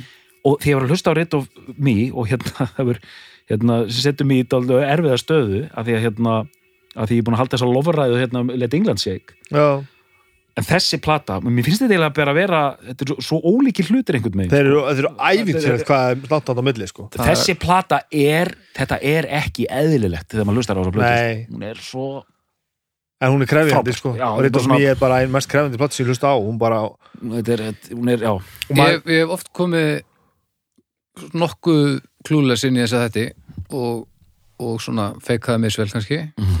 En þetta er þetta er alveg lang, lang sterkasta dæmi um það að nú verði ég að hella mér í þetta já þú verður að gera það og, og, og ég fann það með sem sjálf á mig að ég, ég þarf að fara dýpra í þetta ég, það er margt annað sem ég bara annarkvæmst bara hreinlega held ég vissi og vissi ekki eða bara þarf að fara dýpra í að því að um leiðu svo stingur tánni onni þá bara fattar þú bara Vá, hvað er mikið hérna, sko. Djöfulli er mikið hérna. Erum við ekki að skilja eina plötu eftir áður en við byrjum Jú, jú, að spila því? Það er bara e- eitt innskot, Baldur, að því þú nefnir Let England Shake, þetta, þú segir þetta áttur að hafa betur til mín, sko. Eh, Ég, ég veit það ekki, en, en lýsingin var helviti góð, sko. en, en það er þessi, sko, það er þetta þjóðlaga tónlistarelement og ég meina við tó- töluðum hérna Póks um daginn, sko, ég er mjög mikill hérna þjóðlaga kall, og ég meina þetta einmitt hann að Fairport Convention, hérna, hérna þjóðlaga rock hljónsveit Mhm. þetta er auðvitað á þetta er, að- sem sagt, Let England Shake er alveg að dansa á svipuðu dæmi. Já, aðalega tónlistin er ekki þjóðlaga tónlist en það er bara svona þetta er bara eitthvað svona gamla England. Og þú, ert komin inn í þókuna og, og alla þessa ömurð sem er þar sko Ég held, líka, ég held samt líka að það sem er að kveiki mér er þetta að einstaklingur með náðargáfu sem neytar að, að endurtaka sig og kemst upp með það aftur og aftur þá ertu með eitthvað, eitthvað þá- snilling sem við erum bara með örfá eintök í heiminum sko. Af svona Já, já, minna, hún, er ekkit eðlilega þessi mannskja, sko. Þetta er alveg bara eitt af besta sem hafi komið fyrir tónlistasöguna, sko. þannig að ég er mjög spenntur og ég er með pínu hnútun í maðurum að ég eftir að skammast mín þegar ég byrja bara, Æ, En sko, ég er til dæmis ekki viss um það að þú getur sett þessa plötu á Rid of Me Mm. uh, eða lett England Shake heldur og, og fundist þetta strax vera svona frábært Nei.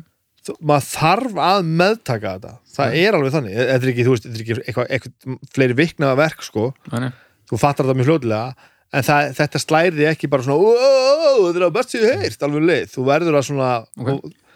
en ekki, en Baldur, ekki gráta glataðan tíma fagnaði því að þú sétt búin að kynast henni sko. já, já, við getum litið á þannig það, það, er, það er ein plata viðbót Já. sem var svona og ég, man, ég, eftir Let England Shake þá var ég auðvitað gríðarlega spenntur bara hvað gerist nú mm. og hún, það var lettan svo plata sko.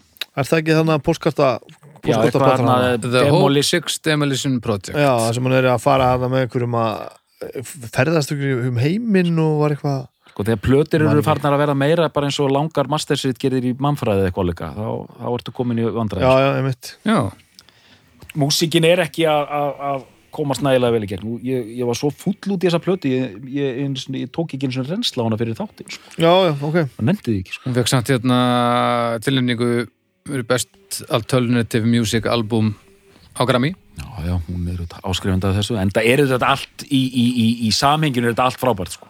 Bara segist eins og er já, þetta er, hún er, þetta er góður þetta er hérna þetta, er bara alvöru listamæður sko. já, en það, já, þetta er, og síðan er meðfram þessu, hún hefur verið að gera kvikmyndatónlist Já, og, já, og plötu með honum Parrisvini sínum Vinna Og hitt og þetta. hinum og þessum alveg. Þessi síðasta plata var hún upp með 79 af 100 á Metacritic líka. Þannig að lágbúndarnir eru helviti háir. Svona frá, út frá fjöldanum skiljiði. En ef við förum nú að tala Já. um sko til dæmis bara, við byrjum að tala þessu um hana. Mm -hmm. er alltaf tvent sem að sem að kannski eiginlega þrennt sem er svo ótrúlegt að fara svona sterk saman hjá henni sko. hún er náttúrulega byrjum náttúrulega bara á því að hún er æfintillu lagasmiður Mhm. eh, og, og, og það er svo skrítið að- það er svo erfitt að benda á það hvað það er sem gerir hann svona góðu lagasmið hún semur flott riff og svona húka eða alltaf því húka og svona struktúrar sko, en það er bara eitthvað sem er svo erfitt að setja fingurinn á hvað er svona snildalegt Mm -hmm. það er bara eitthvað svo rosalegt sko. en hún eh, hafði þess mjög hátt um það á Red of Me er hérna Highway 61 Revisited Dylan-lægið og hún sagðist að hafa sett það á því hún er alltaf bara hopeless Dylan að- aðdáandi Mhm. og þar talar hún um sko hvað hans er góður lagasmiður sem hann alltaf er og þetta lag er. alltaf frábæla samið sko Já. Og hún sagði bara að þetta hafi kentinu svo mikið að semja lög að- að að týna þetta lag í sundur og, og komast að hvernig hann hafi gert þetta. Og hann er hún er gæðlega mikið að velta fyrir sér listinni að búa til lag. Og veist, þetta er ekki bara svona einhver svona sem veist, horfir bara sem einhver svona, veist bleitant náðargáfa eins og að því hún tala um Dylan er ekki heldur í honum, hann er bara búin að velta mjög mikið fyrir sig hvernig maður gerir lög. Já, já, búið til fylgta mannarskitt og... já, já, en allavega númer eitt frábæra lagasmiður, mm. númer tvö hún er alltaf rosalegt skáld sko. Já. textatir hennar eru bara þeir fara, þeir feta oft svo ótrúlega línu milli þess að vera eitthvað svona realistisk handsprengja upp í munnin á þeir sko mm. Já. og að vera eitthvað svona draumkent hálfpartinn kjaftaði sem samt snertir við þér sko ok það er bara, það kom bara línu þarna sem að maður bara, bara, wow, hvað þetta er stert einhvern veginn, sko. Svo komum við að þriðja atriðum sem ég vil líka nefna, sko. Sennilega betri munnurpuleikar en Dylan. Ég hugsa það. Uh, þriðja atriðið. Ok. Þetta er líka mér. Hún er, hún, er besta söngkona í heiminum. Hún er besti vókalisti í heiminum. Það er ekkert eðlilegt að heyra hann að syngja sko. hún er bara uh, já, performance-wise þú veist, pitch-wise og, og, og það allt saman sko. en, en sko flutningurinn á lögunum mm. stúdíó og live og allt veist, bæði bara að þú veist, já, þú gerir þetta rosa vel en líka bara, þú veist, tilfinningarnar og bara, þú veist, allt í lifrið er bara, þetta er svo rosalegt og þegar þú tekur þetta þrennt einhvern sem samdi geðveitt lag, setti eitthvað ótrúlega skálskap og flytur það svo sjálfur af þessum þú veist, af þessum þunga og getu og kunnáttu og, og þú veist, sannfæringu og styrk sko, þá bara þá, þá bara, þá sest maður bara og hlustar og bara uh, þessi element eru þú veist hjá Nick Cave, fattaru Dylan? Framan að uh, Dylan er samt lélegur söngvari, fattaru Já, en Já En ég meina ég er ekki að skjóta niður Dylan, ekki miskilum ég er að koma með svona ídrekun á því sem Bibi var að segja hérna, hérna smá bara dæmi og hérna þegar ég var að hérna undirbúið mig fyrir þáttinn sko, þá verður maður stundum dalt estur Já. og hérna og hérna og var, var svona hlusta og var, var að YouTubea og, og finna við hana viðtöl og sjá hana og sjá hana í viðtölum fyndi hvað hann alltaf næs í viðtum Já, rosa, hún er mjög ensk sko, bara svona Já, já. Er svona hæversk sko. Og síðan finn ég hérna þar sem hún kemur fram alltaf þessi ekki 93 á einhverju rettingháttið eða kollega Mm. hún er, eru 80.000 manns að horfa Mhm. og þetta er svona dagur eh, tónlistarháttið hún er upp á tjaldi. Hún er ein. Sexy sko, svona háhæluðin skóm og stuttu rauðu pilsi. Með ramaskítarinn sem er svona, svona stærri en hún sko. Sem lappa hann svona fram á sviðið og kemur með svona, ég aldrei séð hún er með svona hún svona brosir og brosir segir bara ég á þetta allt saman sko. Og bara, hún er bara eins og sen sko, bara svona, ég er alveg með þetta. Fyrir svona framar á sviðið byrjar að syngja hérna Rid of Me. Mhm. og bara, þú veist dun, dun, dun, og það bara allir eru bara transfixt sko. Og bara flottasta manneskja bara ever sko. Lína í læginu það er eitthvað svona I'm gonna make you lick my injuries. I'm gonna. Og síðan gefur hérna í, í, í, í, hérna kemur hérna, hérna You're not gonna, eitthvað, rid of me, rid of me. Síðan kemur þetta, sem ég heyr alltaf sem legs Lick my legs, I'm on fire. Lick my legs. Kannski er hún að segja lick my lips, ég er ekki viss. Já, já, ég er rúglega saman já, já, ég mitt en bara þú veist, ætlar að gera þetta á fyrsta læginu ætlar bara að segja, sleikt á með lærin hérna, I'm on fire sko og bara, þetta gerur hún bara hann upp á sviði og bara eins og Bibi var að lýsa þarna bara, söngurinn, spilamennskan karakterinn. Góðan daginn sko. I'm on fire. Svo sko, stú, stúdíóutgáðan þessu, það sem hún er með band og allt saman sko, ægileg dýnamik í læginu hún byrjar þetta, bara svona einn svona með mjútaðan svona hálf klín rammaskítar, þetta er svona ég ætla að giska að þetta er svona þryggja hálfsminn lag, þrjári hálf til fjóra myndur og alveg fram og þetta er fyrsta lagi á blötunni sko. Fyrst svona tvær mínútur á laginu, er þetta bara svona og ef þú veist ekki hvernig platan er þá bregður er Já. því að dýnamikinn hjá Steve Albini og þeim öllum hana er svo æfintýraleg að sprengjan sem þú farið í smettið að bandið kemur inn sko. Já. þetta er að leggja þið eftir þetta opnulega sko. Og svo kemur sko hana í restina. Og ef þú varst að leggja þig þetta kemur. Já.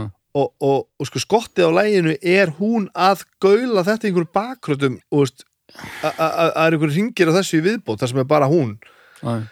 Að, einhvern veginn að rífa sér röddina eitthvað, þetta er bara er glórlust en, ég, veit, ég veit hvað minnskið þú að tala um hana. Það sem hún er mitt með svona hálfkassagíta bara ekkert nema töff. Og ekkert nema töff sko. Mhm. og þetta er enga flugveldasinningar En hún, alveg, hún púlar þetta alveg sko. það er ótrúlega sko.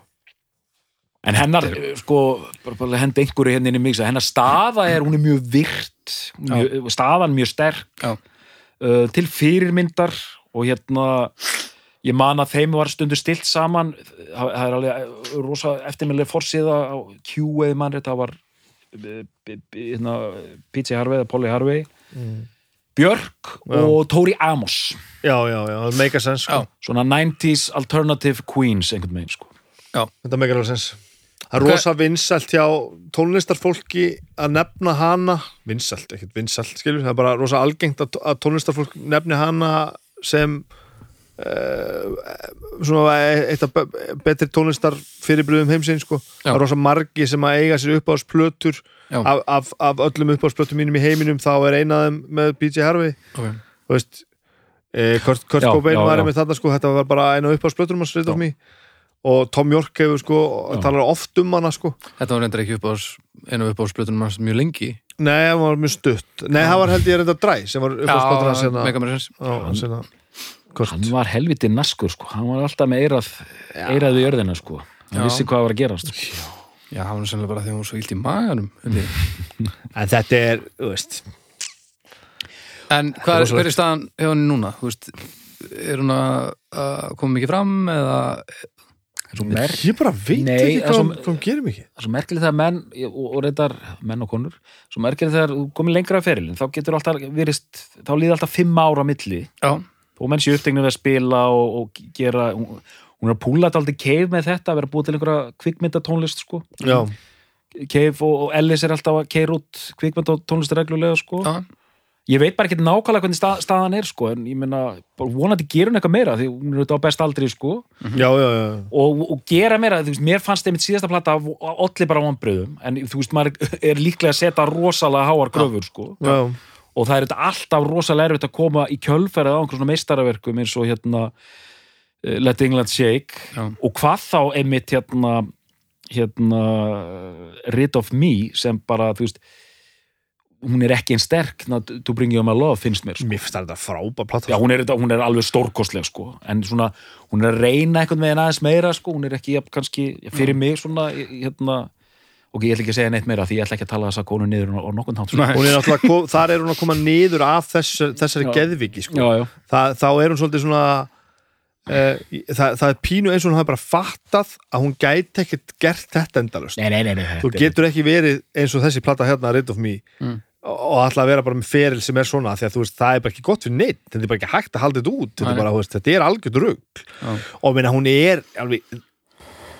hún er alveg yfirgengileg á þessar plötu. Veist, þetta er alveg, sumt, sumt hérna er bara, bara hvað voruð þið að gera þarna í stúdíun mm. hvaða rugg hvað er þetta, sko, Steve Albini segir að hún hafi bara bara kartöflur allan tíman sem þið voru hérna, ekki neitt annað. Þú veist, það bara, eh, og þau bara snjóuðu inni þarna og bara byggu til þess að plötu bara svona og flottur þessi sko, þessu finnir hvernig, hvernig how music travels að hérna uh, hún sýnir auðvitað það að hún er alls ekki one trick pony sko, gerir einhverja hérna, þú veist, einhverja þjóðlega plötur setna og einhverjar gottneskar pianoplötur en er að gera þetta svona eins og ég er búin að segja, einhver svona söðuríkja voodoo blues? Já. englendingur, en þú veist kannski náðu þau saman líka út af því að hún og Nick Cave voru bæði bara svona nerds hvað þetta var.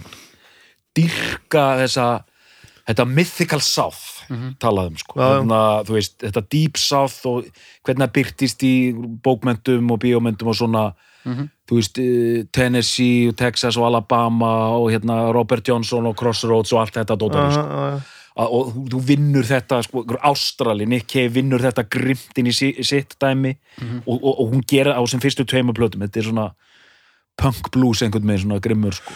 Já, punk uh, uh, mér, uh, uh, svo oft talað um grönns hérna sko. Mhm. uh, mér finnst þetta bara stundum vera bara meira punk. Já, svona bara svona, blues punk einhvern veginn. Já, mér langar ekki að segja postpunk af því að það er pínu annað sko.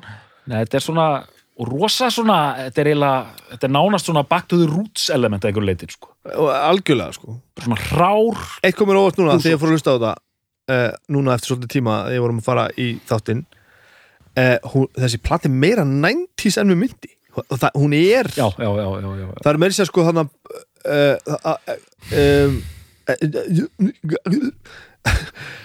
uh, gítarsound og, og svona uh, riffa notkun myndi mér stundum bara á hérna The New Year, svona þannig feeling sko. Já, um, að ekki tónlistin per, per, per se en, en svona, maður ma heyrir alveg að þetta, þetta er á sama tíma sko. Já, þetta Er- er svona, þetta er svona mid-register svona einfaldir strengir svona svona múti melodíu sem eru svo clever svona einhvern veginn. Já. svona, já, ég er í hljómsveit, clever. En hún notar þetta allt öðru vísi þetta er miklu meira svona bara straight forward brjálaði þarna. En, en, en maður heyrir alveg tíman sko. Er þetta orginalpressa? Nei, nei, það held ég valla þetta er rosalega flott pressa það var ógeðslega flott. Mhm. Já, The New Year Na, Varstu þetta því? Já, já, já, já, ég man þetta því sko. Frábær hljómsveit maður, já gott út algjörlega frábært mann Eri, Nú, það er svona Já, það er bara svona Ég Það er ætlaði, bara svona. Já, ég ætlaði ba- ba bara að bæta því einmitt að þegar ég var komin inn í 5. lag þá heyrði ég einmitt þetta Mér fannst alltaf eins og ég var að horfa á Alternative Nation á MTV Já, eða já, eitthvað. já, Ní- og 93 þetta já, já. að eins og hún er sko edgy og, og hérna og, og arti og, og það allt saman þá er hún samt þarna sko þetta er, þetta er svona þetta tímabilsmál. Hún, hún, hún fer inn í einhver trend.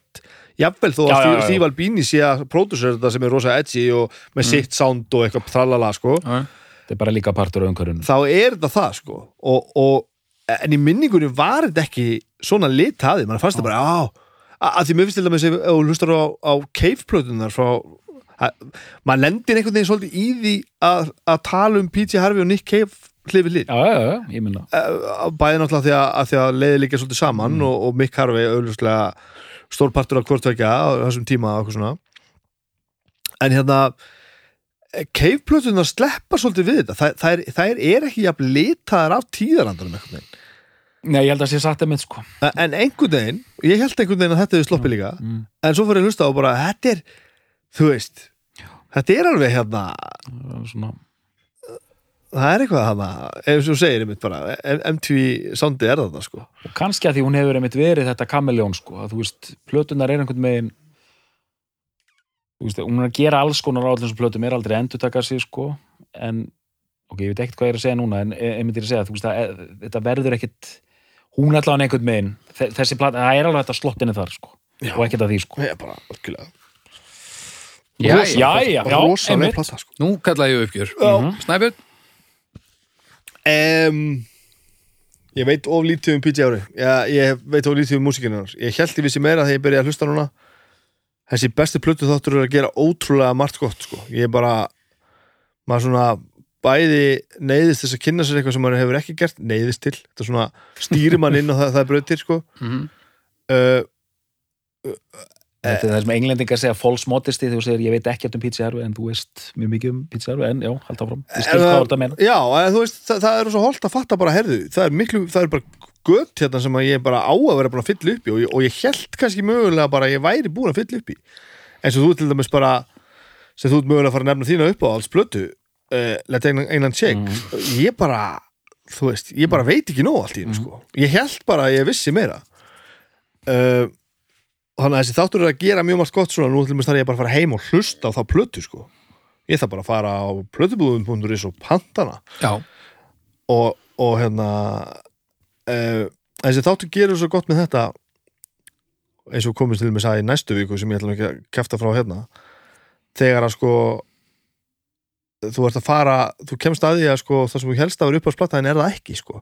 Ah, Og þetta saman, Language ha, já, já.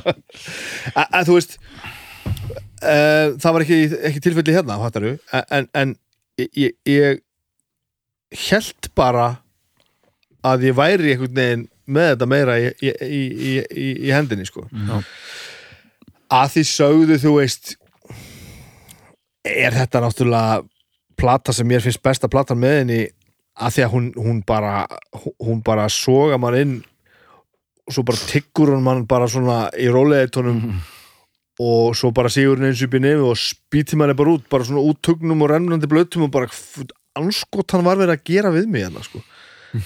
Og þetta fíla ég þetta þú veist, þetta er náttúrulega bara að hljómplata geti látið mann líða svona, er náttúrulega rosalegt og bara, þetta er svona provokativ og, og, og þú veist uh, yfirgengilegt og líka ná svona yfirgengileg heitum sko á þess að verða bara plain silly veist, þetta er svo munurinn að þegar slegjar ná að vera yfirgengilegir eða þegar slegjar fara bara algjörlega yfir, yfir línuna sko Mm. það er svo P.T. Harvey ná alltaf að vera réttu megin sko en ég meina, þessi plata er náttúrulega hún er, hún er algjörlega absúrt sko, alveg rosaleg sko mm. og Doktor? líka bara uh, það sem að, sem að doktorum var að segja á þann bara, þú veist og, og þú í rauninni líka bara, af hverju er þetta ekki af hverju er þetta ekki allstar? Hvernig getur verið að eina, eina, eina, eina mannskjær sem er unni merkur í velunin tvisvar sé ekki, þú veist, vinsalasta vinsalasta tónlistaakt fyrir og síðar, ég bara, veist Mm. hún er ekki, hún er ekki passlega stór með að hvað hún er góð og virt og allt hitt, sko, það bara það meikar ekki sens. Mm. rosaleg plata, sko, rosaleg. Doktor, Já, þetta er, er fyrirlega staða sem ég er í að því að sko ég er sammála öllu sem Bibba var að segja núna, öllu. Og hérna og þú veist, þetta er, þetta er fánalegt sko, þetta er rauninni besta plata P.T. Harvey. En þú veist, ég hefði aldrei átt vona því að hún gæti toppað þetta setna á, á, á, á, á, á, á ferlinu sko. Og ég ætla hér og nú að stilla fram mér finnst Let England Shake vera besta plata P.T. það Harvey. Er rosaleg staðrind, maður. Setja það bara fram en mér fannst, þegar ég var undirbúið þáttinn þá er ég með þessar tvær plötur í gangi og þetta er svo, gössalega ólíka plötur algerlega frábærar báða tvær sko. Mhm. bara svona, báðar svona heimur let, Já. já. Svo let England segja, þetta er bara svona heimur sem þú ferð inn í og maður er bara svona, "Bíddu, hvað var að gerast hér? Já, þetta, þetta, þetta, þetta er mikilvægt ég er samanlega þessu og þetta gefur, afsaka ég grip svona Já, inn í þinn tíma hérna þetta, gefur líka þessu, þessum nördisma ok, okkar svo mikið vægi sko. þegar platan sem konsept verður svona inn, heil plata fer með maður inn í einhvern svona heim sko. það er rosalegt að upplifa það sko. og þessi er það líka sko. þú ferð bara, þú ferð inn í þetta og bara, þú veist þú veist, veist ekki hvað heitir hérna þegar platan er lóksins búin sko. þetta er ótrúlegt ferðalag sko, þessi plata þannig að sko ég stilli Let England Shake fram sem bestu plötu P.T. Harvo og er búin að leggja eh, rök að því í þættinum Uh, þessi plata hérna er bara bara ótrúleg það er ekki hægt að koma að orða því hvað þetta er góð plata og samála allir því sem hérna, Bibi sagði um hana og bara hlustið á P.J. Harvey þetta er ekki, þetta er, þetta er ekki hægt sko. en þú hefði farið í þessa ef það hefði ekki verið fyrir hérna þessi nummer tvö eða þannig já, já, já, já, klárlega sko. ég, ég, kom aftan að mér hann að Let England Shake sko. en þetta er, tök, bara, gerum smá starffræðingar, tökum bara Let England Shake og jöfnunni, þá er þetta langbesta plata P.J. Harvey langbesta mm, nei, segjum besta ekki, nei það er ekki að segja langbesta og hinar Nei, séu bara nei. einhver, einhver, einhverjar hérna, einhverjar atrennur, það er ekki hægt að segja það sko. Nei. þetta er besta plata. Harvey og hún er svölust í heiminum Mhm. og það er bara þannig, gott fólk Og við minnum á að, að þið getið farið inn á plötubúð, plötubúðin.is eh, og keft þessar plötu þar og við minnum á afsláttakóðan besta platan þá fáið þið 10% af þannig að þið getið græðið allt saman á netinu og annarkvort sótt sjálf eða fengið sent eh, en þá ætla ég að spyrja ykkur Snæbjörn, er þetta besta plata P.J. Harvey? Já. Doktor, er þetta besta plata P.J. Harvey? og ég ætla að segja fáralstu setning sem ég minn segja á lífsleiðinni Nei Við þakkum fyrir í dag og við heyrumst að viku liðinni.